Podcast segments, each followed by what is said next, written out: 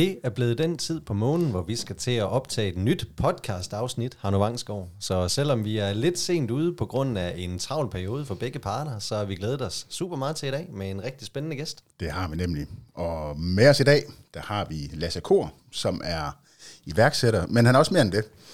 Lasse, jeg sad lige og, og hvad hedder det, sus din øh, LinkedIn-profil igennem, og der kan se, at du har haft 71 sådan stillinger eller positions øh, siden dit første job som øh, studentermedhjælper tilbage i 2006. Øhm, og hvis man sådan skal prøve at summe det op, så øh, for det første, så har du været co-founder og angel investor i, i en masse forskellige startups. Du har været involveret i næsten alt, hvad der findes af communities inden for startup-scenen, især i Aarhus. Du har været dommer og mentor i utal af konkurrencer, øh, jeg ved, sådan nogle øh, startup øh, events og konferencer omkring hele verden, og du har arrangeret flere hackathons end, øh, end, øh, end der er gris øh, ude på gården herude bagved. og, så, øh, og så er du også øh, inde i hjælpe store virksomheder med at skabe innovationsmiljøer og innovationsacceleratorer. Øhm, så jeg synes faktisk ikke, uh, iværksætter, da jeg spurgte dig, hvad jeg skulle sige, at det er sådan en, er passende, fordi det er du også, men der er rigtig mange andre ting også jo. Ja. Uh, velkommen til, Lasse. Jo, tak. Ja, og du bad mig lige om at tænke om jeg kunne finde det, sådan en, et ord eller en sætning. Ja. Idépolygamist. Idépolygamist. Kan vi gå med den? det kan vi godt. Nu har Okay, du sagt yes. det. Stærkt. Øhm, jamen altså, så vi skal, vi skal prøve at dykke lidt ned i det her med startup, og måske, sådan, ja. måske noget mere specifikt mere i det med at skabe innovation i store virksomheder, mm. for det har du enormt øh, meget erfaring med. Mm. Jeg tror, en af de første gange, vi øh, krydsede klinger sammen, det, der sad jeg nede på et øh, stort reklamebord her i byen, der hedder Envision, og der lavede vi, eller der ville jeg gerne arrangere et hackathon for at inspirere internt, øh, hvordan man kunne arbejde, eller få noget mere digitalt ind i vores måde at lave reklame på, øh, og hvordan man kunne arbejde anderledes. Øhm, og der holdt vi jo sådan en weekend, øh, hvad er det, 54 timer cirka, startede ja. sådan fredag eftermiddag aften, inviterede en masse eksterne, hvad hedder det, unge, super skarpe og øh, hvad hedder det, mennesker ind, som kunne alt muligt forskelligt, og mange forskellige roller. Der var nogen, der kunne noget med noget grafik, og nogen, der kunne noget udvikling, der var nogen, der kunne noget forretningsudvikling osv. Og så øh, i løbet af de her 54 timer, der kom der jo faktisk en masse sindssygt fede bud på, hvordan man kunne hvad hedder det, skabe en sådan mere digital fremtid inden for reklame. Det var mega fedt. Øh, Bortset fra, at der så kun var to med fra, fra byrådet, fordi det var i weekenden, og det, der skal jeg jo ud og spille. Det var nok ikke paddle dengang, men uh, tennis. Um, så det, der, det var et tvækket svært, der var der. Men, men det er jo bare et eksempel på, mm. hvordan man skaber uh, innovation i virksomheder. Det er de hackathons. Mm. Uh, måske skulle du lige prøve at starte med at forklare, hvad er et hackathon egentlig? Ja, altså, du vil gerne inspirere internt i virksomheden. Du er faktisk med at inspirere øh, ud i miljøet, for det var lige pludselig en hel masse kreative øh, iværksættere, der havde lyst til at kigge mere på reklamebranchen. Men sådan helt grundlæggende, så er et hackathon, det er en, øh, en event, hvor man inviterer, det kan være egne medarbejdere, det kan være eksterne, det kan være startups, det kan være alle mulige, der har lyst til at prøve kræfter med at finde på noget nyt i en afgrænset tidsperiode. Så giver man dem typisk en challenge. Øh, Det kan være The Future of Advertising, som jeg tror, det var dengang, vi, Ja. vi lavede noget. Vi har også lavet Future of Food og Future of alt muligt mærkeligt. Og så ser man, hvor, øh, hvor resultaterne af deres arbejde ender efter de her 54 timer. Nogle, øh, nogle af tingene øh, bliver til nye idéer, som man kan integrere i, i sin egen virksomhed. Noget bliver til startups, som, som andre kan gå videre med. Noget bliver til læringer, noget bliver til fejl, noget bliver til... Jeg plejer at sige, når jeg åbner sådan et hackathon, jeg har vildt set alt fra idéer, der blev skabt, og som blev børsnoteret efter 3-4-5 år, til folk, der blev ført væk i håndjern. Så sådan alt der inde midt imellem er jeg sådan åben for, når vi laver hackathons. Yes. Uh, og det er derfor, jeg har jeg været til mere end 350 hackathons. Jeg synes altid, det er spændende. Jeg oplever aldrig det samme. Så jeg, Jeg er simpelthen lige nødt til at høre, hvilken kategori tilhørte Hanno så? ah, men uh, han var en god mentor på det møde, så vi, der blev, han blev ikke ført væk. Ja, det er rigtigt, ja. ja. øhm, men hvorfor, hvorfor, hvorfor lave sådan nogle hackathons der egentlig? Jamen, der kan være forskellige øh, årsager til, at man, man kaster sig ud i et hackathon, og jeg vil sige, det er jo virkelig der, man skal starte. Det er besluttet for, er det fordi, vi har brug for at få en masse nye idéer? Er det fordi, vi gerne vil ud og møde talentmiljøet, der har interesse for vores, øh, vores branche? Er det fordi, vi vil inspirere internt? Og, og jeg vil sige, altså, jeg plejer typisk at sige til dem, jeg laver hackathons, men her er listen af de 10 ting, I kan opnå. Og du må vælge en eller to. Men man kan ikke nå det hele, og Mm. det, det er der, man typisk udfordrer. Hvis ikke man bliver konkret med, jamen, vi står nu et sted som virksomhed, vi har brug for at række ud til de øh, 20 bedste talenter inden for kunstig intelligens i vores branche, så er det det, man skal give hackathonet op omkring og planlægge det, øh, sådan så det passer til, til det. Så det kan bruges til mange forskellige ting, men man skal bare være super skarp i planlægningen af hackathonet, hvis man skal opnå et eller andet specifikt Mm. med det. Ja. Ja, Men okay. de her måske, øh, nu prøver jeg lige at repræsentere de danske direktioner. Ja. At man sidder rundt omkring øh, fredagsmødet, og man egentlig gerne vil begynde at innovere. Man kan godt se, at der sker en masse turbulens i markedet, og der er en masse ting, der, der virkelig ændrer sig. Mm. Så hvis man sådan for strategisk hold skal begynde at lave nogle greb på sin forretning, mm. der, der ser jeg jo, det er måske forkert sagt, men jeg håber, I kan følge min analogi, men øh, et hackathon som en tool, at det er en af de ting, man ligesom kan gøre for at komme i gang, men hvis man sådan skal gøre det mere som en styret proces, hvordan er det egentlig, at man kan lykkes med at sige, her forener vi corporate life og startup life, hvor en og en kommer til at give tre? Altså, hvad er det typisk for nogle ingredienser, der er på den vej, for at det bare bliver rigtig godt? Jamen, altså man skal jo virkelig, øh, jeg tror man skal booke to ekstra timer til det møde der, fordi det handler om først og fremmest at finde ud af, hvad er det præcis, vi ved, vil, når vi siger det her. Altså er det, er det at finde den næste S-kurve øh, i vores forretning? Er det at finde ud af, hvordan øh, ser vores fremtidige digitale produkter ud? Er det at finde ud af, øh, hvordan rekrutterer vi overhovedet de mennesker, der skal med os på den rejse? Og, og så tager man ligesom værktøjskassen bagefter og siger, jamen, så er det enten et hackathon, eller et inkubationsmiljø, eller en accelerator, eller en corporate venture arm, eller en, ja, vi kan liste hele, hele listen af Yep. alle mulige forskellige ting, man kan gøre. Yep. Så, så jeg tror, for, det vigtigste der, det er, at man bliver fuldstændig skarp på, hvad er det, vores udfordring er lige nu. Mm. Altså, hvad er det, vi tror, vi bliver udfordret af, af, markedet omkring os. Jeps. Og så sætter man ligesom øh, holdet og, og, og programmerne efter det.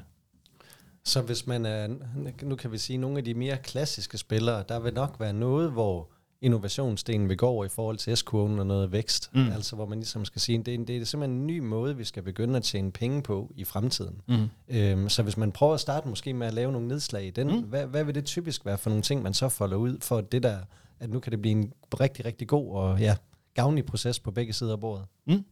Jamen altså, øh, scoutingarbejdet i starten kan jo gøres på mange måder, så, så hackathon er super godt her, fordi der kan du jo invitere en masse talenter, der, der kommer ind med, med noget viden, noget kompetence, og kan prøve at finde på nogle, nogle, nogle konkrete koncepter, som øh, ikke nødvendigvis er færdige efter de her 54 timer, men i hvert fald kan tegne nogle retninger for, hvor er det de opportunities, vi ser i vores, øh, vores space ligger i fremtiden.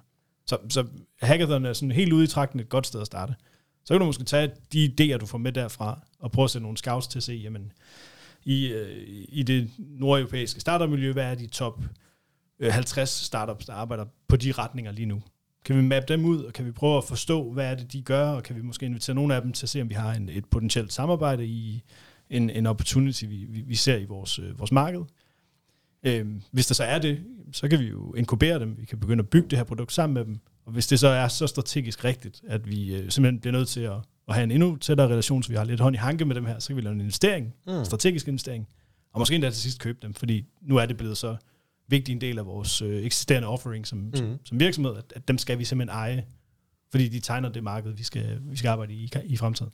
Så lige for at opsummere den, så må du lige bede afkræfte, om jeg forstod korrekt. Men man kan sige, hvis man sådan står for corporate hold, og Ja. egentlig gerne vil finde nye måder at tjene penge på, Mm. men man måske har nogle blind spots, og der er noget, man ikke har helt forståelse for at sige, hvad det er for nogle ting, der rører sig derude. Så Mm. et hackathon kunne være rigtig godt til ligesom at sige, her kan du få en masse kvalificeret bud på folk, der virkelig har hands-on mm. i forhold til nye teknologier, og det at sige, hvad kunne være nogle muligheder ja. for jer for at tjene nye penge, og ud for dem, så kan man vælge dem, man tror på det bedste, Mm. og så kan man ligesom se, jamen er der nogen derude, der allerede er altså involveret i det space, hvor man kan begynde at kigge i samarbejder eller opkøb, eller hvad delen det må være. Mm. Ja, ja.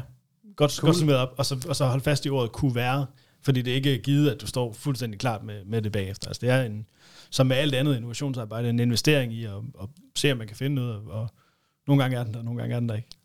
Men det, vil også, det tænker jeg også, det må være en af de store udfordringer. For du kan sige, hvis du kigger på store virksomheder, så har man typisk brugt mange år og mange kræfter på at komme i kontrol Mm. og gøre ting forudsigelige. Ja. Når vi lægger et budget, så holder vi det. Og Ja. du ved, nu skal vi vokse halvanden procent på, ja.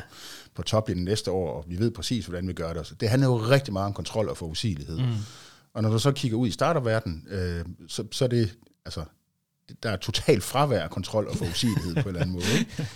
Øhm, så der må ligge en eller anden, der må ligge en eller anden spænding, et paradoks der, Jo. som, som, som man er nødt til at håndtere. Klart. Det er i hvert fald en helt anden, øh, det er en meget mere kortsigtet kontrol, man har. Det er typisk en dag eller to ud i, i fremtiden, Ja. hvor at, øh, når vi sidder i vores store virksomheder, så planlægger vi lidt mere end bare lige, hvad der skal ske i morgen. Ja. Men ja, der, der er kæmpe paradoks i det, og det, det er typisk det, der også giver nogle gnister, når der er øh, udfordring af det samarbejde mellem startups og, og corporates. Altså at man ikke har en, en, en idé om, eller en fælles forståelse, eller en alignment, Ja, taler vi til. Nu taler, jeg, nu taler jeg over til, til direktionen derovre.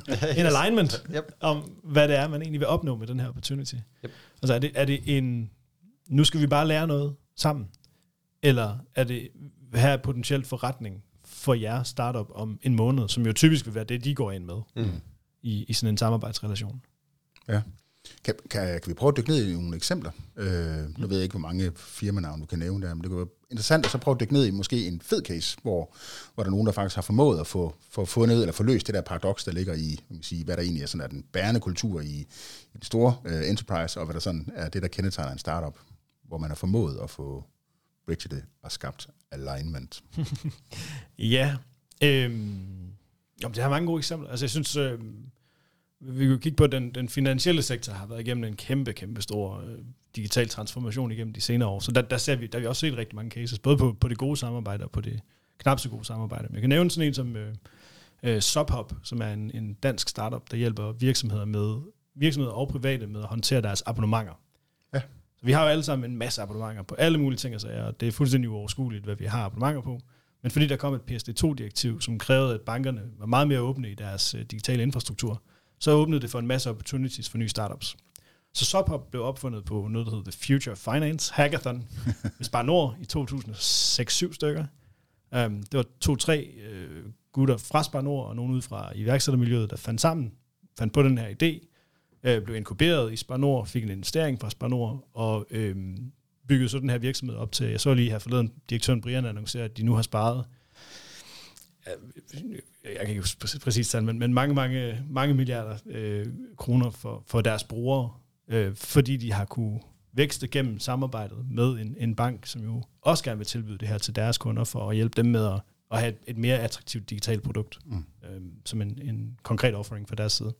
Så det synes jeg er et super godt eksempel på en meget lavpraktisk, egentlig hele rejsen. Øh, founded på et startup, øh, inkuberet, investeret, bygget op og skaleret, og hvem ved, om det, om det på et tidspunkt bliver en exit også til en, en virksomhed i den finansielle sektor. Okay, Øhm, men, men de, de kører så helt selvstændigt. De kører uafhængigt af Nord, så de, de er egentlig bare mm. investor i det, eller ja, men det kan man ikke rigtig sige alligevel, fordi der er mange af de her ting, som ikke ville kunne lade sig gøre for det her lille subhop-team, hvis ikke de havde haft en tæt relation med øh, øh, det digitale team ved Spar Nord, eller ved øh, det digitale team i hele, øh, øh, hvad hedder det, øh, bank, bankverdenens, øh, hvad der, der er sådan en fælles central for bankudvikling. Nå, det, det der EDB-central, eller... BC, BCE, EC. Bankernes EDB-central. Ja, sådan noget der. Jeg elsker, jeg elsker det, hedder EDB. Lige præcis. Um, yes, så hvis ikke de havde haft den der relation, så ville det være nogle ting, der ville gøre det sindssygt svært for dem. Så det har jo reelt været en, en Ja. relationssamarbejde. Øh, og, og så, som jeg kender til casen, så har øh, Spanor også været interesseret i, at, at det her produkt ikke bare blev et Spanor-produkt. Mm. For det ville være super uinteressant for den her startup bare være et Spanor-produkt. Det er jo ikke ja. meget scale i. Mm. Så også at åbne døre til resten af, af, af den finansielle sektor for at sælge det her ud og komme ud med det og få at bruge det, at det bliver udviklet i fællesskab med flere partnere til at få et meget bedre produkt i sidste ende. Ja. Nu ved jeg ikke, hvor tæt du er på case, men hvad er, hvad er så Spar Nords, øh, hvad kan man sige, øh, refleksion over, hvad, kan man sige, hvad, hvor værdien har ligget henne i det der? Jeg ved ikke, om du kender det. Altså, jeg tror, det at være først øh, ude med sådan et produkt her, i, i en verden, hvor der dukker sådan nogen som øh, Luna op, der revolutionerer næsten alle små produkter i bankverdenen, så er det fedt at kunne være relevant med det nye. Ja. Så, så det er selvfølgelig en, en fordel. Så tror jeg helt klart også, der har ligget i kommunikationen ind mod egne medarbejdere, sådan en, vi er også innovative, vi er også med til at skabe fremtidens digitale produkter.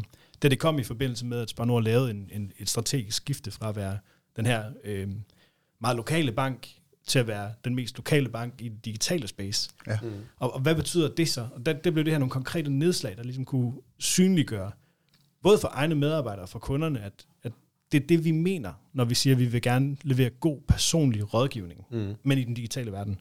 For det er da skide god personlig rådgivning at få altså en, en, der sidder og holder øje med sine abonnementer. Ja. Det vil du jo ønske, at din bankrådgiver gjorde. Det gør de bare ikke, for det er ikke tid til. Mm. De, du er bare et nummer i deres verden. Men har du sådan en service, en digital service, der kan præcis det. Ja. Det er med til at mindsætte hele den, hvad skal man sige, den strategiske proces, de er gang i, og, og, og gøre det meget konkret. I stedet mm. for, at det bare bliver, vi vil være den mest personlige bank i den Ja. digitale verden. Ja, ja. Hvad fanden betyder det?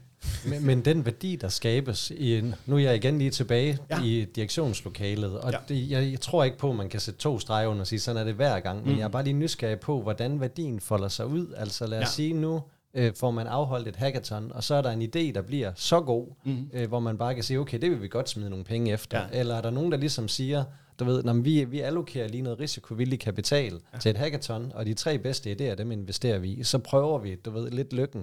Er, er, der, er der typisk den der, hvor, altså lidt også fra direktionshold, hvordan man budgeterer med det? Er det noget, man ligesom sætter noget af til og siger, at det her, det vil vi gerne? Eller er det i det øjeblik, at der ligesom opstår den gode idé, okay, måske vi skulle overveje, kan du følge mig?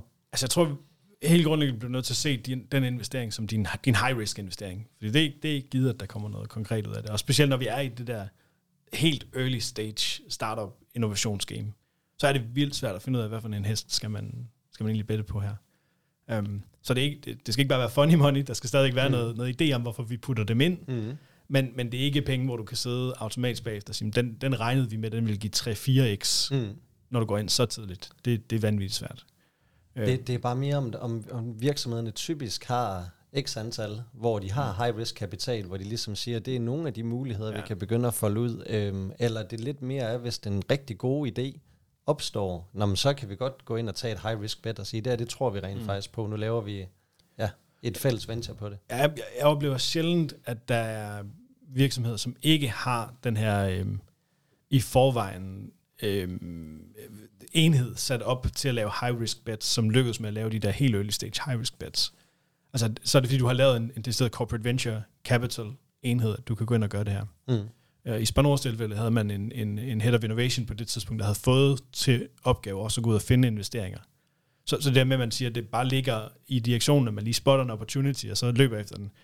Det, det kan sagtens være nogen, nogen Men, styr men, men, jeg tror ikke, jeg tror, men du det svarede faktisk på det der. Nå, at okay. der var, det var godt. fordi der allerede, så er de jo placeret ansvaret videre, Ja. hvor de har sagt, der er noget her, der er, vid- er vigtigt, og vi har en afdeling, og der er der nogle penge, hvor det så er dit ansvar at gå ud og prøve at finde nogle muligheder. Så det er mere den der, den strukturelle del, Mm. hvordan virksomhederne rent faktisk også prøver at indrette sig, for Mm. at det her, det skal blive muligt. Ja, og i, og i hele det corporate venture space er man blevet meget mere klar over, at det skal helt ud og ligge. Altså, så, så man hører nu, øhm, nu jeg har øh, siddet næsten på kontor med, med Auras ventureafdeling, som, som også har fået lov til at flytte kontor. Nu sidder oppe i et, et, i, et af innovationsmiljøerne, og ikke i, i, ude på virksomhedens hovedsæde. Um, for netop at komme ud og, og vise over for omverdenen og for sig selv, at vi er en, en enhed, som opererer for os selv. Vi har fået det her mandat, og vi skal ikke engang om, om ugen tilbage afrapportere til vores direktion, som så synes, at vi lige den uge ikke har lavet det rigtige bet, eller at de måske øh, havde en anden idé om, hvad vi skulle gøre, og så prøve at påvirke os. Så, Mm. så man placerer et ansvar, får en meget mere øh, sådan, operationelt stærk enhed derude, der kan lave den her type arbejde, fordi det er noget helt andet, Mm. end de der langsigtede øh, strategiprocesser, der hedder 20, hvad er vi oppe på nu? 20-30 planer. Mm. Ja. Og det er Okay. måske det dumme spørgsmål, men det der, men når du siger helt ud og ligge, bare lige for at være sikker på, Mm. at, at det også lytteren er med, og jeg er med, øh, kan du ikke lige konkretisere, hvad vil, hvad vil det sige? Jamen, sp- spænd det ud som en ekstern enhed. Måske endda placere det et andet sted. Nu øh, kiggede jeg lige rundt på det kontor, vi sidder her, der kan jeg se, der sidder nogle navne for forskellige øh, større virksomheder, som har valgt at flytte en organisation ud af huset. Um, det, det, er- det, yep. Det ser man mere og mere. Og, og så kunsten så, hvordan får man så værdien tilbage i organisationen? Mm. Um, hvis du laver sådan et, et corporate venture setup, så er det jo ikke, fordi du vil lave skal man sige, innovationsmotiverende arbejde. Så er det, fordi du gerne vil ud og lave investeringer. Mm. Så der, der er det okay, du ikke får det der spil-off med den kulturelle, Mm. hvor er det fedt, vi er ude og være hip med startups. Hvis mm. du Mm. skal have det med, så gør du det, som for eksempel øh, Nias har gjort fantastisk godt med at lave en, øh, en, sådan en, en inkubator, accelerationsprogram inde i huset, hvor man har lavet et, et altså skåret et område fra og sagt, her, der, der skal det være fedt. Mm. Tryk har gjort det samme med deres The Camp. Mm. Øhm, Grundfos har lavet noget, noget lignende. Det er deres uh, Digital Factory, hvor de også har noget startup og innovation og alt muligt andet Mm. arbejde. Stibo har deres accelerator. Så, så, er det, så er det en anden type øh, ting, mm. Mm. man, man sætter i værk. Skal vi ikke dykke lidt ned i det så? Lad os Jo. gøre det. Fordi øh, nu siger du accelerator og inkubator. Yes. Øh, du nævnte nogle navne, og jeg kender også et par stykker af dem. Ja. Øh, jeg tror også, jeg har været mentor faktisk på en eller anden, Det tror jeg. Hvad det er sådan, om det så var et hackathon, eller hvad det nu var. Ja. Øhm, lad os prøve at dykke lidt ned i det. Så, så hvordan vil du beskrive sådan en... Er der forskel på en accelerator og en inkubator? I øvrigt. Øh, ja, det, det, det, ja, altså det er jo sådan, lidt ligesom med hackathons og alt muligt andet, det, det, det er jo meget, øh, hvad man gør det til, tror jeg. Altså, men jeg tror, ideen grundlæggende med en inkubator er, at du putter noget der ind, og så kan det i det øh, miljø, som der så er skabt, vækste. Acceleratoren er lidt det samme, men der gør du måske nogle ekstra ting for at sætte ekstra skub på det. Ja. Okay. Men der er så meget begrebsforvirring i den der Så verden. inkubator, der er lidt vand og lidt hestemøg, og så ser Ja. vi, hvad der sker. Ja, Ja. men altså, det, det er også lidt, hvad man synes, der lyder fedt ud i virksomheden, har jeg oplevet sådan. hvad var det første ord, man hørte, eller hvad stod der i den Harvard Business Review-artikel, man har læst? Ja. Altså, mm. Hey, grundlæggende handler det om, at man får nogle, nogle, nogle, nogle øh, projekter ind i et miljø, som er lidt anderledes end resten af, af virksomheden, og så har man noget vækstmedie. Om det så er mentorer, om det er kapital, om det er adgang til øh, nye teknologier, adgang til noget marked, eller hvad det nu er, der kan være med til at skubbe på, at det her det bliver udviklet. Mm. Ja. Kan vi, jeg ved, du var involveret i Grundfos' mm. øh, accelerator. Mm. For mig, der står Grundfos som en af de virksomheder, som herhjemme har formået at tage det, sådan det, det største ryg mm. på en digital transformation, og bredeste ryg, mm. øh, hvor, man siger, hvor ordet digital transformation ikke er et fremmedord, øh, Ja. ja. langt ud i organisationen. Det var interessant at prøve at dykke lidt ned i, nu ved jeg ikke, hvor lang tid du har været involveret i, øh, i deres accelerator. Jeg tror, jeg er involveret i halvandet år, og det er ja. sådan et, et hjørne, der handlede om rigtig radikal innovation ja. Og, og radikale idéer. Så der havde vi nogle øh, studerende inde, øh, som, som arbejdede på nogle what-if-spørgsmål, sådan helt, helt radikale spørgsmål ude i, langt ude i fremtiden. Ja. Som så skulle skubbe nogle retninger, som resten af organisationen mm. kunne gribe og måske lave et projekt ud af, eller række ud til en startup, der gjorde det. Okay. Mm. Men der kan man så sige, som jeg har forstået det, så må du lige hvad det, korrekte mig her. Mm. Altså, så, som jeg har forstået det, så har Grundfos så også formået, kan man sige, man havde den der, øh, om det er sådan en inkubator eller Ja. accelerator, med, med nogle studerende, der arbejder med de der super langhårede, super mm. langsigtede ting. Mm. Men så har man så formået at få bygget kan sige, en, en fødekæde op øh, efterfølgende, som kunne gribe mange af de her radikale projekter. Ja. Og der er også en del af det, som jeg ser udefra, der rent faktisk er blevet båret frem til produktion, øh, ja. og man sige, er i, Ja. i drift, så Ja. at sige. Ja, ja og, og det kan være konkrete løsninger, og det kan være viden, og det er der, hvor det bliver nogle gange lidt, lidt svært også, fordi hvordan får du lige den der viden, du måske først skal bruge om et år eller to. Men jeg kender ja. til et af de konkrete projekter, vi sad med, som var øh, i forhold til noget kunstig intelligens, der, der på det tidspunkt måske var lidt for tidligt og lidt for langhåret, men som, så vidt jeg i hvert fald øh, har hørt, er, er stille og roligt blevet masseret ind nu konkret i en, øh, en løsning, som de laver. Mm. Okay. Okay. Så, Men, men jeg synes alene også bare det i strategiarbejdet, altså det pågående strategiarbejde, alene den der what-if-øvelse, Mm, ja. ja. er spændende. ja. Altså fordi det er, jo, det er jo lidt de ting, at når du laver strategiplaner, rigtig mange de kommer ud fra en daglig drift, de kender, Mm. og så er det nemt og trygt at lave noget organisk vækst, eller sige, at vi gør mere af det, vi ligesom kender. Men at man løbende virkelig forholder sig til, what if, altså hvor Ja. er det, vi er troet, og hvad er det for nogle ting, der kan ændre sig. Ja. Så det nemme eksempel, øh, som man altid kan sige med Netflix, Blockbuster. Mm. Mm. Altså hvis Blockbuster havde lavet en god what if workshop, og Ja. man rent faktisk havde ja. altså forstand på risici, så var det måske også, øh, eller landet et andet sted, hele den snak i gang. Eller havde købt Netflix, da Netflix bød sig til. Ja. Ja, ja For eksempel præcis. jo, ikke? Lige Ja, ja. præcis. Ja. Ja, det er næsten Men- men, men- en what, what when case, fordi det, det ville ske, og det kunne man også allerede se. Altså, Ja.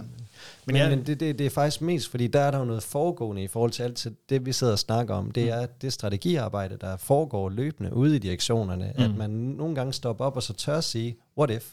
Mm. Altså, hvad er det for nogle ting, der måske radikalt kan gå ind og påvirke den måde, vi er, og hvordan kan vi så begynde at kigge i retning af, at okay, vi er faktisk nødt til at begynde at få ny viden ind. Vi er nødt til at tage nogle risici i forhold til den måde, vi arbejder med vores forretningsmodel, så vi gradvist, men sikkert, stille og roligt kan begynde at vende skuden. Øh, og, og der er du fat i den helt centrale grund til netop at lave de her ting, der ligger et andet sted, end, end i hjertet af, af, af modorganisationen. Fordi det er sindssygt svært i en organisation, der er gearet til high performance og drift, og bare lige sige, skal vi ikke lege de næste 14 dage, at vores verden er en helt anden, end den vi tror, den er. mm.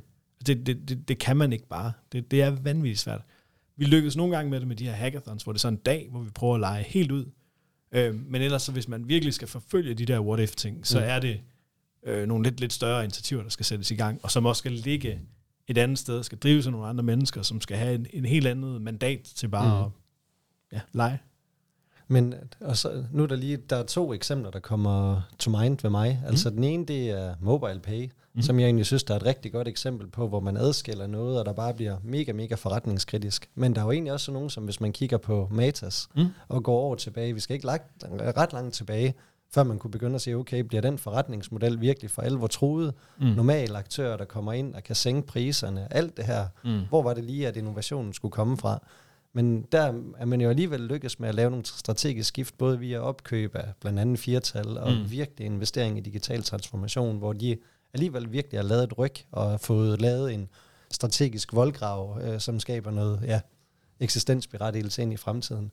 Men det er lidt mere om, om der er nogle ting, man ligesom kan give videre med, hvis man vil godt i gang. Fordi der er nok ikke en absolut sandhed, du bare kan sætte to streger under. Det er lige den rigtige proces, hvis du vil lykkes. Men er der typisk nogle fællesnævner, hvor du kan se dem, der alligevel ender med at få skabt virkelig nytteværdi ud af det. Hvad, hvad er det, de gør rigtigt? Hvad er det for nogle overvejelser, de har for strategisk hold? Men altså sådan helt grundlæggende, så handler det jo om at være afklaret om, hvad det er, man vil, op, man vil opnå med det. Altså så hvis det er at finde den der næste SQO, så handler det om, at du får sat nok økonomi, tid, kraft, ressourcer af til, at du kan komme derhen. Hvor hvis det er mere, at øh, jamen, vi har et lille bump, vi skal over nu her, vi vil gerne have organisationen lidt mere engageret, så har nu case, som jeg nævnte indledningsvis, jamen, så, så er det nogle andre ting, som godt gør det lidt, lidt mindre end, end, øh, end de her kæmpe store setup, som en accelerator eller et, et inkubationsmiljø kunne være. Eller en, en corporate venture arm, som mm. man kobler på. Mm.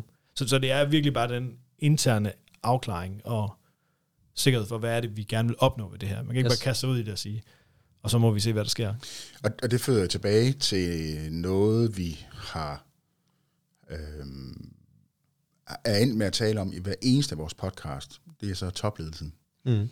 Det er, man siger, der er nødt til at være en forståelse for, godt man ikke forstår præcis, hvad alle de her dimsedutter kan, og mm. øh, alle de smarte ord, vi blandt andet sidder og slynger om os øh, her. Men man kan sige, men der er kun et sted, som den proces kan starte, og det er topledelsen. Ja. Så, der, så hvis ikke du forstår, hvorfor du skal gøre den nu, så stol på os. Du skal prøve ja. at gå i gang med at finde ud af, hvorfor du skal, og hvordan du skal få det ind i, i din virksomhedskontekst. Mm. Men det er, også, det er også mega nemt at bare pege fingre af topledelsen, og det har jeg også været med til nogle, nogle af de steder, jeg har siddet og bare sådan, det, vi kommer ikke videre, fordi topledelsen... Det, der for, jamen, altså, det, det, det handler ikke kun om, det er nemt, det er jo, også, det er jo, det er jo for helvede forudsætningen. Jo, men, men jeg tror også, hvis vi skal prøve at blive sådan, øh, hvis vi skal prøve at hjælpe dem, der skal i gang ja. med det her derude, ja. så, så er det meget svært at komme til en topledelse og sige, hey, kunne I ikke tænke jer at investere rigtig meget i noget? Vi kan ikke rigtig fortælle jer, hvad det bliver, og øh, måske bliver det ikke rigtig noget, og det kommer nok til så lang tid, og I, vi er sikkert også lidt bøvlet i processen. Ja. Mm. Det er sådan lidt et hard sell. Øhm, det, det, jeg har oplevet som den helt store game changer i mine samtaler, når jeg har siddet med øh, i diskussioner med topledelsen, det er egentlig, at vi er gået i gang lidt i det små. Ja. Om det så er at køre et hackathon, eller om det er at køre Stibo Acceleratoren, er et fantastisk eksempel på. Der gik, det gik nok et halvt år, før vi var sådan public om det, og vi, vi sad i et rum ved siden af en paldosetun, fordi det skulle være sådan lidt hemmeligt, og det var ikke super øh, fedt, og det var ikke mega sexet, og alt det der, som der nu ellers skal være i sådan et accelerationsmiljø. Men det gjorde, at vi fik nogle konkrete eksempler, som vi kunne tage med op og få vores topledelse til at se, hey, vi kan noget her. Vi har faktisk et potentiale, og vi kigger ind i en fremtid, hvor vi i hvert fald med vores nuværende virksomheder ikke er gearet til at imødekomme der, hvor vi skal hen. Så, så det er i hvert fald været en stor game change for mig, at der er nogle steder, hvor man ved, at det kommer ligesom på topledelsen, og ja, vi skal, og vi putter en masse penge i, og det, det, det kan jeg også se nogle faresignaler i, men det der med, hvis man, hvis man som en medarbejder uden virksomhed har lyst til at være med til at løfte det her i gang, mm-hmm. jamen så prøv at starte i det små, bevis det, lav et hackathon, lav et eller andet andet, som kan være med til at sætte fokus på at vise nogle konkret, noget konkret output, mm. så er min dialog altid meget lettere ved de uh, ledelser, jeg har siddet med. Ja. Men okay, der, det er jo lidt, mm. men der, der må være noget lidt, hvis du skal sammensætte en aktieportefølje. Øh, så kan det godt være, at der er noget, hvor det er high risk. Der bliver et lille frimærke af det, hvor man godt ved, jamen det kan godt være, at virksomheden går konkurs. Det kan være, at det er det, der bliver det nye Facebook eller Google, eller en af dem, der bare stikker fuldstændig af. Men lidt på samme måde, tænker jeg budgetteringsmæssigt, at virksomhederne godt kan tænke, og nogen er helt sikkert gode til det, allerede at begynde at tænke i det, men der er også rigtig mange konsoliderede virksomheder herhjemme, som nok er for meget ud af, hvad de kender, og ja. blive ved med at bygge videre på den. Altså, så der må også være noget sådan rent strukturelt, strukturelt ligesom at sige, prøv at afsætte noget risikovillig ja. kapital, hvor man lige nu erkender, at der er et mulighedsland. Vi forstår ikke, hvor mulighederne ligger. Øh, vi ved ikke rigtigt, hvor vi skal kigge, men det starter med, at vi rent faktisk afsætter nogle penge, mm. og begynder at erkende, at det er vigtigt at så gå eksplorativt til værk, som det starter med et hackathon, eller hvor det starter, ja. men at man ligesom afsætter den risikovillige kapital. Ja. Altså. Jeg er ikke ekspert i det, det regnskabstekniske, men det skal i hvert fald ind på, på hurtig afskrivningskontoen, yes. det her. Og så, så må vi se, hvordan det kan, yes. det kan komme ind bagefter. Men ja, men, men fuldstændig enig. Altså, det er penge, hvor det er meget, meget svært at have et, et, sådan et kalkuleret øh, output. Men man skal måske også arbejde med multiple outs, at, at ja, noget kan blive til konkrete idéer, noget bliver til viden, noget bliver til medarbejdere, øh, næsten employer branding, at vi også øh, er med på det innovative, og hvad det ellers er. Øhm, bare man undgår, at det bliver til sådan noget innovationsteater i den proces. Ja, det er et fantastisk ord. Innovationsteater. Prøv lige at forklare det. Du hold det lige ud. Jamen, det er jo meget risikofuldt for mig, fordi nogle gange så står jeg jo på sådan en scene ude foran øh, 100 medarbejdere i en eller anden virksomhed og prøver at skal have dem med på, at vi bare, øh, øj, hvor skal vi innovere, øj, hvor skal vi have det sjovt, og så videre. Nogle gange føles det faktisk lidt som innovationsstater, fordi man har den der øh, idé om, at det er noget, vi gør, i stedet for, at vi har en, øh, sådan en company offsite, hvor vi er ude og kaste frisbee efter hinanden. Nu er det bare sjov og leg. Um, og, og vi ville det egentlig ikke rigtigt alligevel. Mm. Uh, så, så det der med, vi, vi lader som om, vi leger, vi, vi, vi får det til at spille, som om alle, vi spejler os i grund for, så siger vi, wow, hvor er det fedt, de har gjort, men, men vi inviterer lige ind til et enkelt lille hackathon, for så, så har vi også gjort det. Mm. Så det, når man ikke rigtig mener det for alvor, så Ja. bliver det innovationsteater. Yes. Det vil vi gerne undgå. Ja, men, og det var jo, hvis jeg skal være lidt selvkritisk, det var det, der skete dengang, vi lavede på reklamebudet, lavede det mm. uh, hackathon. Så det endte jo med at, man kan sige, gudskelov at give noget PR. Uh, og så var der jo to medarbejdere fra det der store bureau på 1.500 mennesker, der fik en fed oplevelse, og som forstod nogle ting, og jeg tror, det er ikke dem. Mm. Men i bund og grund, du ved, resten, de var sgu ligeglade. Altså, Ja, til, tilbage til driften. Ja, der, hvor vi er præcis. komfortable og har det godt. ja, præcis. Det, Ja. og det anerkendte for pokker det. Det er da fantastisk, man har nogle medarbejdere, der gerne vil gøre det, vi er gode til i dag. Mm. Mm. ja, Vi, skal ikke, vi skal ikke tvinge alle. Det, det er faktisk en men, af vi, mine... men vi kan anerkende for nu af til juleaften, fordi at øh, hvis vi på et tidspunkt har, få, har brug for at kunne noget andet, Ja, så har vi jo en udfordring der, kan man sige. rigtigt. Men jeg har delt også mange gange prøvet at trække nogen til tråd, som overhovedet ikke brød sig om det her. Og, Ja. og der er altså også bare forskel på mennesker, og der, der er forskel på kultur i Ja. virksomheder også. Mm. Ja. Nogle er rigtig gode til vores drift. Det kan vi som folk, der er lidt mere sådan entreprenante nogle gange tænke, ej, hvor er det fedt, at de kan det. Ja. Nu hvor du lige læste mit lidt mærkelige CV op. ej, hvor er det fedt, du kan holde dig til det der i lang tid. ja. Jeg kunne, ved du, jeg kunne faktisk godt lige tænke mig, fordi nu har vi snakket om hackathon flere gange, mm. og, og hvad man sige, uanset hvad, hvad retning man vælger at skabe innovation i, og på hvilket niveau, så kan jeg lidt høre, det er startpunktet. Det er der, hvor vi ligesom kan få en fælles forståelse af, hvordan arbejder man anderledes. Mm. Øhm, og det er jo en relativt lille investering, både i tid og i penge. Mm. Øh, hvad koster det at lave et hackathon? Ikke, nu, nu, nu er det ikke fordi, sådan, nu, nu går der jøring i det, og nu skal vi til at lave reklamer, men bare sådan lige for at give folk en idé om, der går Jørgen i det. øhm, jamen, det kan jo koste alt fra 25.000 øh, til... Jamen, det- Dreamcraft holder et hackathon, hvor deres præmie er 1 million dollars. okay, Så alt der er mellem. Det kan også ja. være, det bare er... Jamen, altså, hvad det, hvad det koster. Og hvis du har en intern facilitator, der kan køre en proces for egne medarbejdere i en halv dag, så er det selvfølgelig kosten på din medarbejders tid. ja. Men okay, men det er jo, så- okay, så det er jo trods alt, fordi hackathon lyder som noget, hvor vi fylder, øh, hvad hedder det, Royal Arena. Øh, det er det jo ikke nødvendigvis. Mm, Mm, overhovedet ikke. I, på en mission, bare for at blive meget konkret, vi holdt det i virksomhedens egne lokaler. Øh, vi har vores kokke på arbejde, øh, der Mm. lavede noget mad. Vi har købt en masse sodavand og endnu flere øl. Mm. Øhm, og så havde vi jo så hyret nogle eksterne facilitater til det. Så jeg tror, vi endte med at bruge omkring 1.500.000 på Ja. det i alt. Det lyder meget rigtigt. Øhm, og det var sådan, altså virkelig en forsvindende lille investering i forhold til, øh, hvad man kunne få ud af det, Ja. synes jeg. Ja, ja, og som jeg husker det, så havde I jo også nogle, nogle kunder med. Um, så I Ja. ja. brugte det jo også til at bygge en relation til Ja. ja. jeres kunder. Ja. Uh, give dem, tage Og, et og fælles potentielle kunder, ja, det, det er også brugt til kig. Ja, at pitche lidt. Ja. Sådan at inspirere dem til, hvor kan, hvor Ja. ja. kan verden gå hen, hvis vi arbejder sammen. Mm. Ja. Vi er fede. Ja. Vi, kan, vi kan gøre det her sammen med jer. I ved ikke, at det ikke er vores egne medarbejdere, dem her.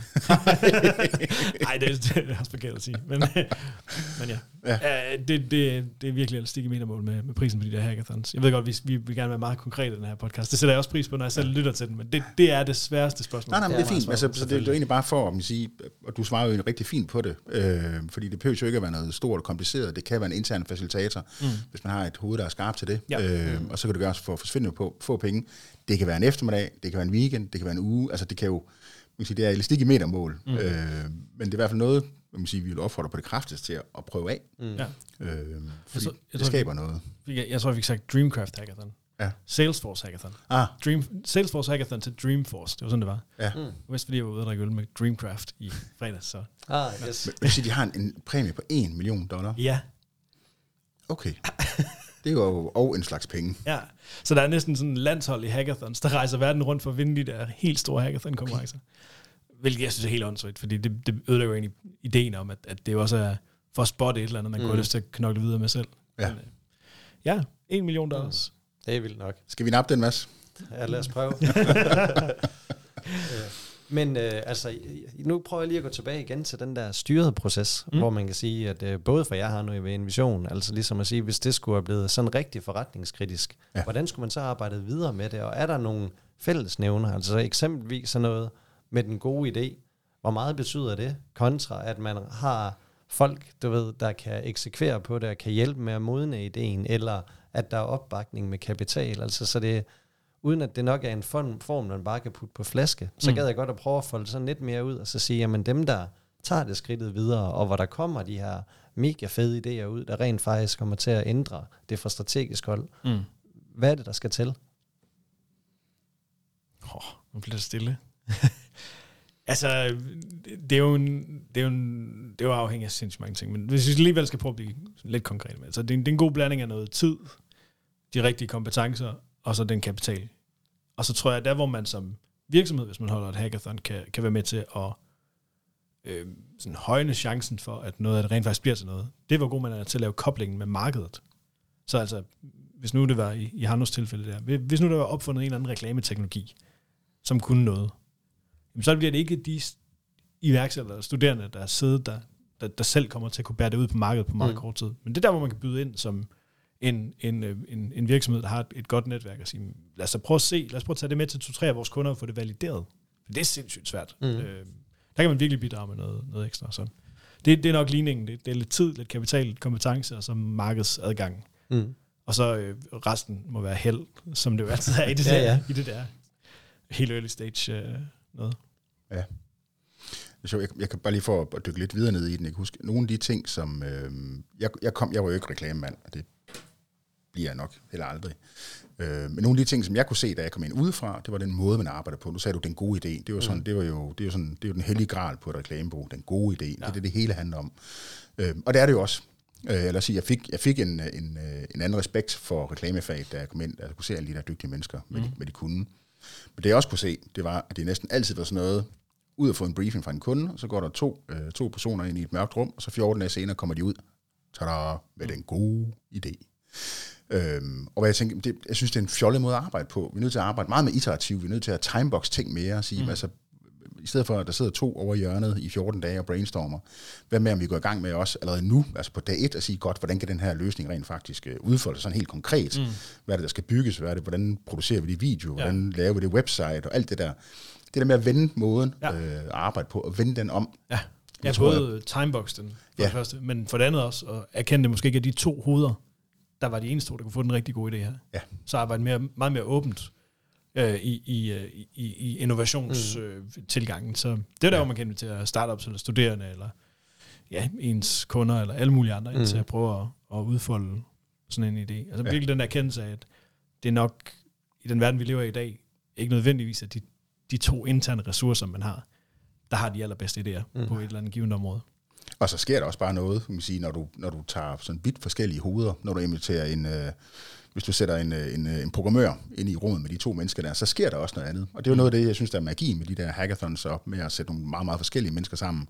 Der sker noget andet. Altså, mm. der kommer nogle andre idéer, øh, og teknologien kan også føde øh, den gode idé, øh, mm. mere end mm. det den anden vej rundt. Ja. Øh, det, det synes jeg er helt fantastisk mm. faktisk, når det, når det sker. Ja. Er der ja. nogen, der bruger hackathons sådan specifikt målrettet mod what-ifs? Altså hvor at det er nærmest er de ting, der skal hjælpe med at blive besvaret. At nu prøver vi at slippe den fri med nogen, der skal virkelig skal prøve at vride den forretningsmodel, den konkrete eksisterende forretningsmodel fra hinanden og udfordre den. Ja, men det, det tror jeg da helt sikkert. Eller det, eller det tror jeg, det har været med til at gøre også. Øhm, jeg tror, jeg nåede at holde 50 øh, hackathons over ved Novo Nordisk øhm, i den periode, jeg har været derovre. 50? Ja, interne. In, interne. Ja. Alle sammen interne, fordi man godt vil prøve at, at, at tage alt den forståelse for vores nuværende problemer ude i, i produktionen, mm. og, og, og ligesom at hacke på what if. Øh, vi, altså, det er ikke nogen nemlighed nu at skulle uh, virkelig skalere op her de seneste, de seneste par år, og været igennem en større digital transformation, så mm. få outlinet de problemstillinger, og få dem udfoldet med de eksperter, der står i dagligdagen og, og makker med et eller andet ude i produktionen, øh, det, det var en, et meget, meget strategisk øh, valg at sige. Det, det er så tidligt, at her kan vi ikke bare sætte en eller anden øh, stage-gate-proces op. Her bliver vi nødt til at være helt ude i trakten og se, hvad, hvad for nogle mm. problemstillinger er der overhovedet. Fordi øh, sige, at hackathon er fantastisk til, til at komme med idéer. Det er også lige så godt til at udfolde problemer. Mm. Det, er ikke, det er ikke sikkert, at løsningen lige er der, men vi har i hvert fald fået kvalificeret problemstillingen ekstra meget mm. i, i den proces. Um, det var meget strategisk, vi gjorde det. Men det, det var da en af de ting, man godt lige kunne sige til lytterne, at i stedet for, at man sidder i bestyrelses- eller direktionslokalet og laver en klassisk SWOT, altså hvor det er sådan indefra og ud, hvad man mm. selv lige ser udfordringer, det er jo rigtig fint, men det tror jeg, det ved de fleste virksomheder godt. Mm. Men nogle gange også prøve at altså egentlig slippe den fri og sige, hvis det er altså udefra ind, hvor der er kompetente folk, der ligesom skal prøve at vride det, der mm. allerede er fra hinanden. Ja. Hvad er det ja. så for nogle what-ifs? Altså fordi det måske kan give nogle andre strategiske dispositioner og diskussioner, ikke mindst. Ja. Kan, kan man finde sig egentlig, fordi nu hackathon er sådan, man kan måske virke som sådan en stor ting, kan man, øh, er der nogen, man kan ringe til øh, og sige, på, hey, kan I komme her, så smadre løs på vores forretningsmodel eller på vores produktionsproces, øh, og stille alle de spørgsmål, som vi ikke selv øh, ved, vi skal stille, eller som vi ikke selv ved findes. Ja, Jamen, det er, det, det er da helt sikkert en masse... Uden, uden at skal ringe til sådan alt for dyre konsulenter, der bare kommer med powerpoints. øh, ja, altså, jamen, det er det da. Øh, altså, vi kørte i en periode noget, vi kaldte for The Entrepreneurial Task Force. Ja, okay. Det var ret fedt. Hvor vi bare fandt nogle iværksættere, der var sådan lidt, lidt struggling, og som havde brug for lidt, øh, lidt, lidt penge til at, at drive dagligdagen. Så bookede vi dem ind i tre dage i gangen, og så slap dem løs på et eller andet problem. Okay. Så der har jeg siddet med til at lave rejseafregningssystem ude ved, nu, ved, ved Grundfos og ved, øhm, øh, hvad hedder det, ved Arle har vi været med til at gentænke hele den måde, de laver deres øh, madlejre og sådan. Så, så inviterer sådan en, et hold derind, giv dem, giv dem lidt penge, og så sige, prøv lige at give os den helt store tur. Og det er vildt fedt at se, fordi de stiller nogle helt andre spørgsmål, end det man, man får fra, fra virksomhederne. Uh, og nogle gange kan det være enormt frustrerende for virksomhederne at, at få de der spørgsmål fra iværksætterne her, som bliver ved med at sige, hvorfor gør I ikke bare det? Og så kommer de der svar sådan, jamen det er fordi, det kan vi selvfølgelig ikke, fordi sådan og sådan og sådan. Nej, nej, men, men hvorfor? Fordi det havde jeg da gjort, hvis det var mm. mig. For de er slet ikke tynget, at, at de også lige har en koncern på, jeg ved ikke, mange tusind medarbejdere, de skal til at acceptere, at det nu er det her, vi gør i stedet for. Ja. Så det har været, altså ja, så, så det kunne være en måde at arbejde på. Der er også nogle sprints, man ser, Google har sådan en helt sprint-metodik, som, som mange bruger øh, til at udfolde en eller anden idé. Øhm, Øhm, jeg har selv haft, altså min, min titel ved de steder, hvor jeg har siddet med i længere tid, har jeg været sådan en entrepreneur in residence. Uh. Så det lyder mega fedt. Det lyder meget sejt. Ja. Det er mega fedt. Ja. Men det er jo egentlig bare en iværksætter, der er sådan er inde. Det var for at undgå at blive kaldt intrapreneur. Det er jeg ikke så meget for. Nej. Entrepreneur in residence. Så sidder man cool. inde i residensen og er med. Og egentlig bare skal være, altså, undgå at blive så irriteret, irriterende, at man bliver smidt ud, men egentlig være lidt irriterende. Ja. Fordi man hele tiden skal sige, hvorfor gør vi ikke bare det her? Og så når nogen siger, det kan vi ikke, fordi sådan og sådan og sådan. Der har jeg haft mange øh, overnatninger på, øh, på hoteller over i, i København, hvor jeg så siddet om aftenen øh, og lavet det, som vi ikke kunne. Kommet tilbage dagen efter og sagt, var det her, vi ikke kunne. Og så vist det. Så her er den jo. Og så igen tilbage til det, snakkede om tidligere. Når, når den lige pludselig er der, når der lige pludselig er noget konkret at tage fat i, så kan man ikke bare fornægte det. Nej. Altså, så, så er vi ligesom nødt til at gå lidt videre ned ad det spor.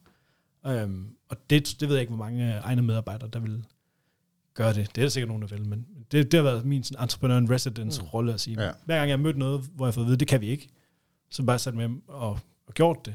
Selvfølgelig på en hacket måde, brugt alle mulige no-code tools og alt muligt andet. Kom tilbage dagen efter og sagt, her er det, der vi ikke kunne. Kan vi, kan vi nu snakke om, hvad vi skal gøre med det? Ja. Det er også sundt. Det er også irriterende, men det er også sundt. Ja, men den type, altså, du, du bliver jo så målt på også at skulle være en lille smule irriterende i sådan en rolle. Ja. Her, ikke? ja. Nu siger det faktisk en nem rolle for mig. Ja, det kunne jeg godt forestille mig. Tror også, det faldt mig relativt nemt, faktisk. Hvad hedder det? Nu, nu, nu nævnte du lige noget, som jeg synes måske kunne være, uden at sådan begynde at blive nørdet. Øh, du sagde low code og no code. No code, yes. Hvad betyder det? Jamen, det er jo den fantastiske tid, vi lever i nu, hvor du behøver ikke kunne skrive mange linjer kode for at kunne bygge en applikation af en eller anden art. Der findes så mange værktøjer derude, der gør, at du kan prototype noget med øh, det, vi kalder WYSIWYG. What you see is what you get. Altså det, nogle, nogle, nogle øh, værktøjer, hvor når du trækker i et eller andet, en eller anden dims på skærmen, så bliver logikken bagved programmeret for dig automatisk. Så det accelererer selvfølgelig udviklingstiden på de her prototyper helt vildt. Du behøver ikke at skulle have et team sat op for at kunne begynde at bygge en eller anden lille idé, som du kan teste ud i dit marked. Det, det kan du gøre igennem ja, øh, Figma, eller hvad der nu ellers er, sådan nogle sjove værktøjer, man kan bruge mm. til at prototype ja. med, med no-code.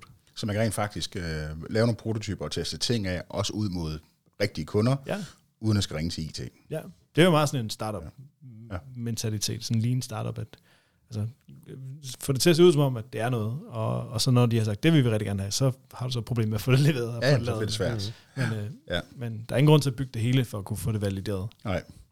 Nej, nej, men det er også typisk det, man ser i sådan et større projekter, hvor der er noget IT og, og noget, kan man sige, måske nogle, hvad hedder sådan noget, noget process re-engineering, for, for at sige et eller andet, øh, for, for at bruge et corporate ord for det, mm. altså hvor, hvor man kan sige, der er så meget kompleksitet, der står i vejen for, at man rent faktisk kan innovere. Ja, ja. Øh, men i hvert fald om ikke andet, hvis man kan prøve at teste noget af for få penge, komme ud og vise til nogle kunder, og så få noget feedback, mm. det er da det er super fedt, eller det er da det er den dårligste idé, I nogensinde har fået, jamen så har vi jo kun brugt øh, 200.000 kroner, i stedet for tre år og mm. øh, et projekthold på, på 30 mand. Øh, Jo, og, og du vender tilgangen lidt om. Altså det der med, at i stedet for at du skal komme og sige, må vi godt gøre det her, så, så handler det mere om at få kigget ind i, hvad er vores governance-model for det her. Tror vi, vi kan levere på det. Alt det der. Så, Ja. så, så kan alt ikke lade sig gøre, Nej. er min oplevelse. nej, Nu går vi jo lige ud og gør det, laver en prototype. Vi har tre Ja. ja. kunder med tilbage, der siger, det her det vil vi faktisk gerne have. Skal vi lige finde ud af, hvordan vi så får det gjort, sådan, så vi kan gøre det. Ja. Så er det en helt anden mm. dialog, end, end når man bare står og skal have lov. ja, det er rigtigt. Hvordan i forhold til selve, det skal vi måske også lige nå at dykke lidt ned i, men den her den kulturelle del, Mm. altså, og den type af kompetencer, der sådan i almindelighed kan være svære at finde, hvis man som virksomhed egentlig bare vil ansætte sig ud af det, men mm. måske også for at åbne øjnene endnu mere for lytterne i forhold til muligheden for potentielle opkøb, hvor man ligesom finder noget, at det her, det vil bare både strategisk passe rigtig, rigtig godt ind i den portefølje og den måde, vi tænker forretning, men der er også et kompetencesæt, der vil passe super godt ind. Øhm, der, der synes jeg selv, at med firtal og Matas var et rigtig, rigtig godt eksempel på at sige, det, var- det var godt set. Altså, mm. hvor der både er noget, hvor man udvider distributionskanalerne, men der er også et nyt kompetencesæt, som der kan hjælpe på den her vej. Og der tror jeg da, at det var der rigtig mange danske virksomheder, der kunne have glæde af at tænke mere i den retning og sige, at hvis man har mulighederne og den økonomiske kapital, hvordan kan man egentlig ja. kigge på opkøb som en reel mulighed? Mm. Ja, jeg, jeg kender ikke firtalscasen sådan i detaljer, men, men øh, jeg kan i hvert fald se med, med de andre eksempler, jeg kender, der, der er ligesom forskellige tilgang til, hvorfor man gør det. Der er selvfølgelig den der acquire-strategi, hvor man kan se, at vi skal bruge et team, der kan noget af det her. De har lavet et produkt, det er sådan set fint nok, det kan vi godt prøve at kigge på, om vi skal tage med, men det er faktisk mere teamet og den der capability, den der organisation. Mm. vi gerne vil tilføje Mm. til vores koncern. Og det er for dyrt for os at skulle til at bygge den op selv. Så, så nu, nu laver vi det her, så vi også kan accelerere vores, øh, den, den, den proces. Så er der den der, hvor du, hvor du går ind og bruger det til at udvide din, din markeds øh, offering. Altså som, som jeg forstår firtal-casen, så, så er det jo et, et, et eksempel på, at man havde man, man vil gerne blive bedre på, på e-commerce mm. Mm. fra Matas. Så, så vi, vi er gode med vores butikker, nu vil jeg gerne udvide det med noget, noget andet, som gør, at vi også kan levere til det, så vi kan blive sådan et, et, et moderne omnichannel øh, mm. Setup. Så er dem, hvor du går ind og bliver meget mere sådan vertikal og siger, vi har en produkt offering, som er her, men hvis vi skal helt ned og blive den, den absolut ekspert på det, så skal vi ned og købe noget teknologi, som gør, at vi kan stikke endnu dybere ned i, i, i det marked, som vi arbejder med. Så der er sådan de der forskellige tilgange til, hvad det er, man gør, når man laver den, den slags øvelse. Mm. Og, og sådan kulturelt er, er det, det, det er sådan meget forskelligt, hvordan man lykkes med de der ting. Um, vi ser jo desværre rigtig tit, at når man laver de her opkøb, at founderne, som jo så lige pludselig har fået, founderne af den virksomhed, man køber, har jo lige pludselig fået noget kapital mellem hænderne. Så de bliver hyret ind i koncernen. De har typisk sådan en lock-up på en to til fem år, alt efter hvor gode de har været til at forhandle deres kontrakter. Og så er de videre derefter. Mm. Så får de sådan en VP of Evangelism titel, imens de er, og sådan server deres time, og det er måske lige så meget også bare for at kunne holde på resten af medarbejderne og alt det her. Um, men der er også nogen, der lykkes med, altså jeg kender Visma-koncernen er et godt eksempel på, på nogen, der laver mm. rigtig mange opkøb, øh, og som har en rigtig spændende model for, hvordan man bevarer noget founder øh, engagement, og, og ligesom er med til at bygge hele den her store platform for alt, hvad der hedder Mm. finansiel håndtering, økonomihåndtering i, i virksomheder. Det er da et super godt eksempel. Ja. Og, og deres tilgang er, er meget professionel, og de er meget klar over, hvad det er, de vil med det. Det, det jamen, jeg tror, jeg har sagt det et par gange nu, men det, det er jo virkelig det, alt det her, det kommer tilbage til, det er, at man ikke bare kaster sig hovedløs ud i det og siger, nu, nu skal vi gøre det, fordi alle de andre også har gjort Mm. det. Vi, vi skal gøre det, fordi vi ved, hvor skoen trykker. Mm. Og det er det, vi har brug for en løsning til. Men det, det er mest den, hvis, man som det gode eksempel, det er det, jeg synes, der peger op i de altså øvre ledelseslag, også for mm. direktion og bestyrelseshold, at de har jo set, at det her det er vigtigt, Mm. og det her det er en måde at arbejde på, som helt fundamentalt kan gøre forretningen stærkere. Altså, Ja, og så Ja. har du bygget en organisation i Visma også, som er rigtig god til det her. Altså, der, der sidder et team, som er vanvittigt dygtige til at forstå det her space, som har fået en masse erfaring med det. Jeg tror, det, det må være nogle af dem, der har gennemført flest øh, strategiske opkøb mm. i, i Danmark nu. Øhm, du har i det team siddende et par folk, som selv er iværksættere og selv har været igennem rejsen, så de forstår også, hvordan får man integreret de her øh, lidt svære øh, iværksættertyper ind Mm. i, i, en, i en koncern og en, en sådan en, en idé, som Visma jo egentlig er på den bedst mulige måde, så alle kan få værdi ud af det. Mm. Mm. Og, og, og de gør det fuldt ud. Altså det er ikke bare sådan, lad os prøve det, og se hvad der Mm. sker. De, øh, de lever det virkelig. Det er, hele, altså det er på en måde hele virksomhedens uh, setup, som jeg forstår virks- Visma i dag, uden at være helt Mm. inde på direktionsgangen. Jeg laver ikke noget for Visma, skal jeg skynde mig at sige, så, så det ved jeg ikke. Men, men som jeg ser det, alle de founder, jeg kender, der er blevet købt, den model, de har fået, gør også, at de har et kæmpe øh, incitament til at, at bidrage til den der Visma-vision. Mm. Ja. Øhm, Et andet eksempel også uh, Egmont, Mm. som jo egentlig er, hvad hedder det, det er et traditionelt forlag, der udgiver ja. Anders And, tror jeg, og så videre, ikke? Mm. som jo er begyndt at købe op i vildskab, altså nogle online bureauer, mm. digitale bureauer, online bureauer. Øh, og hvad jeg også kan se, det ser ud til, at founderne faktisk bliver. Mm. okay. Ja. Ja. Øh, de har jo købt det, der hedder S360 her i Aarhus, som er en stor Mm. et online Ja. bureau. Ikke? Ja. Øhm, der ligger noget interessant der, faktisk.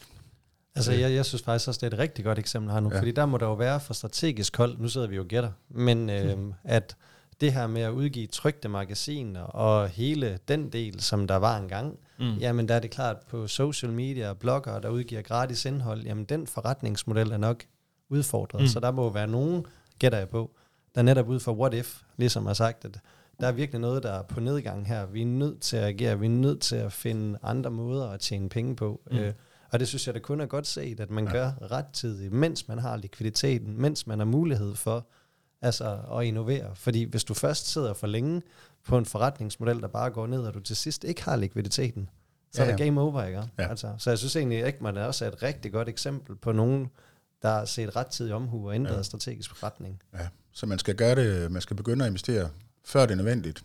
Måske før man har lyst, mm. men uh, mens man har, har råd til det. Lige præcis. Ja. Det var sådan den jyske udgave.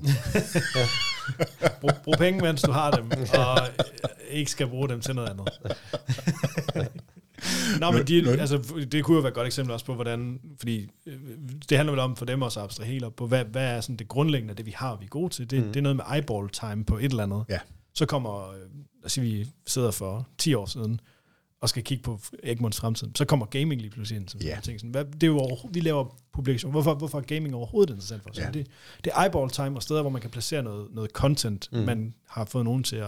Og, og, Og- og, hvis man lige kigger lidt tilbage i tiden i forhold til Lego, Mm. altså der var, jeg ved ikke, om, om det reelt var sådan, men, men man sige, hele den der gaming-ting, der den, Mm. mm. den bølge væltede ind over, og Mm.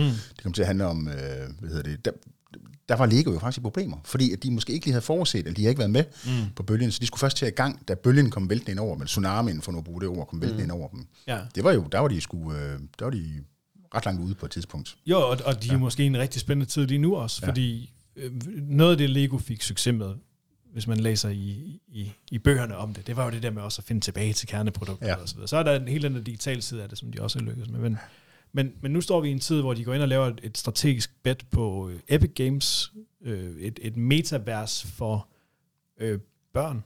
Og Epic Games, gaming. hvad er de kendt for? Åh, oh, det er Fortnite. alle de der. Det er Fortnite. Okay, ja. yes. Øh, det ved du meget mere om, jeg gør. det får jeg, jeg får ikke spillet mine timer derinde, desværre. Til lytteren, nu sidder han og laver de der Fortnite-danse. Helt klart. Men, men det, er jo, det er jo sådan en, hvorfor skal Lego lige pludselig ind i det, når de nu har fundet ud af, at de er rigtig gode på deres kerne- kernekompetencer? Ja. Hvor er det, børn bruger deres tid i dag? Jeg, igen, jeg er ikke forældre, men Nej. dem af jer, der er forældre, prøv at tænke over, hvor jeres børn bruger deres Altså, tid. jeg har, en- jeg har en dreng på, især ham på 12. Hvis han kunne få lov, Mm. så ville han sidde 23,5 timer i Mm. døgnet øh, Ja. foran. Og, især, og det er især de der, hvad hedder det, nu er det ikke lige Fortnite, nu er det noget andet Overwatch, eller hvad det nu hedder. Men det er jo sådan noget metaverse-agtigt Mhm. noget, og der udvikler sig helt vildt, og hvor der er sådan, øh, der er jo hele økonomier derinde, Mm-hmm. øh, med hvor du køber skins, og du kan bytte skins, og ja. Så kan du få sjældne skins, du så kan trade med, der kan blive sindssygt mange penge værd. Så det er, sådan, det er jo virkelig sådan et helt andet univers, øh, som Jo, de bygger. mm. og, og et godt eksempel på også en anden ting, der ligger i sådan et strategisk bet, fordi den læring, du får med på at forstå hele den der skin economy og så videre, hvordan, ja. ja. hvordan overfører du det til sådan en klassisk transaktionel forretningsmodel, hvor nogen køber en klods, Ja.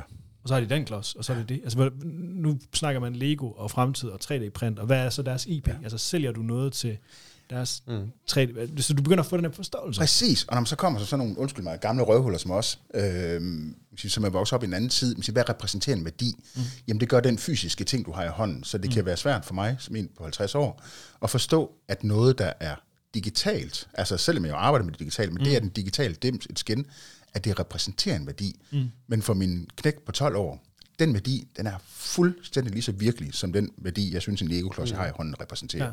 Og der er jo noget, man, som man, man skal, hvor man skal huske at tænke, det forstår jeg ikke, mm. øh, men det er virkeligheden. Ja. Mm. ja, så ligger oven i det, at, at så ligger der et helt øh, andet forretningsmodelsunivers, yeah. og så freemium. Vi begynder også at give nogle af de der ting væk gratis.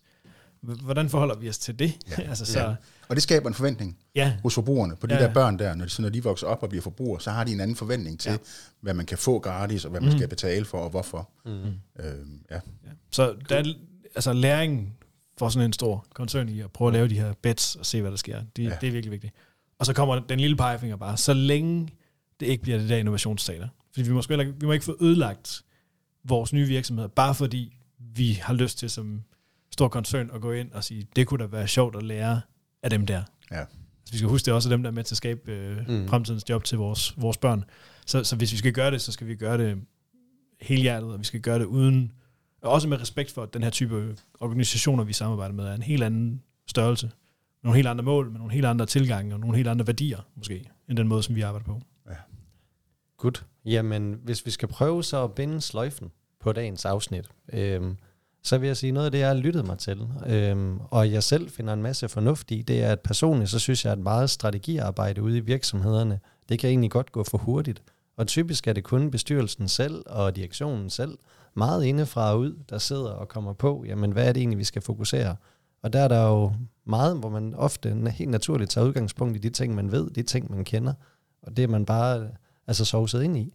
Så at man lige stopper op og tænker, what if? Altså, hvad er det egentlig for nogle ting, der helt fundamentalt kan udfordre den forretningsmodel, vi er en idé af, og egentlig kan kigge i retning af startup og hackathons som en mulighed. Nogen, der virkelig er vant til at skille ting ad mm. og sige, at der er smartere måder, man kan gøre det på. Det kunne være et rigtig godt sted at starte i forhold til at få den input. Og så er der, hvis man så finder nogle idéer, øhm, så man egentlig kan se, at her er der noget, hvor vi kan bygge videre på det, vi kan. Jamen enten kan man udskille det som en helt eksisterende enhed, eller det kan være, at man kan kigge i retning af startup-miljøet, hvor der måske allerede er nogen, der er begyndt at bygge på de idéer, og så kigge i retning af de muligheder, der er for opkøb. Ja. Og så for alt i verden, undgå det der teater. altså, ja, hvor at man egentlig bare kan vinke den af og sige, nu gør vi noget for at innovere. Ja, nu er der ro på organisationen, nu har vi gjort det. Men at det rent faktisk er noget, man er committed til at sige, det vil være en læringsrejse. Altså, så i stedet for, at man bare folder første gang, der ikke lige er den konkrete nytteværdi, så er det simpelthen en dedikation til, at det er en vej, man går ned af, fordi ja. det er vigtigt. Ja. Og så lige også et af de, en af de sætninger, jeg blev mærke i, hvis du skal finde din næste S-kurve, fordi digital transformation for mange bliver også, øh, vi ved ikke hvorfor, men vi er nok nødt til at gøre noget. Mm.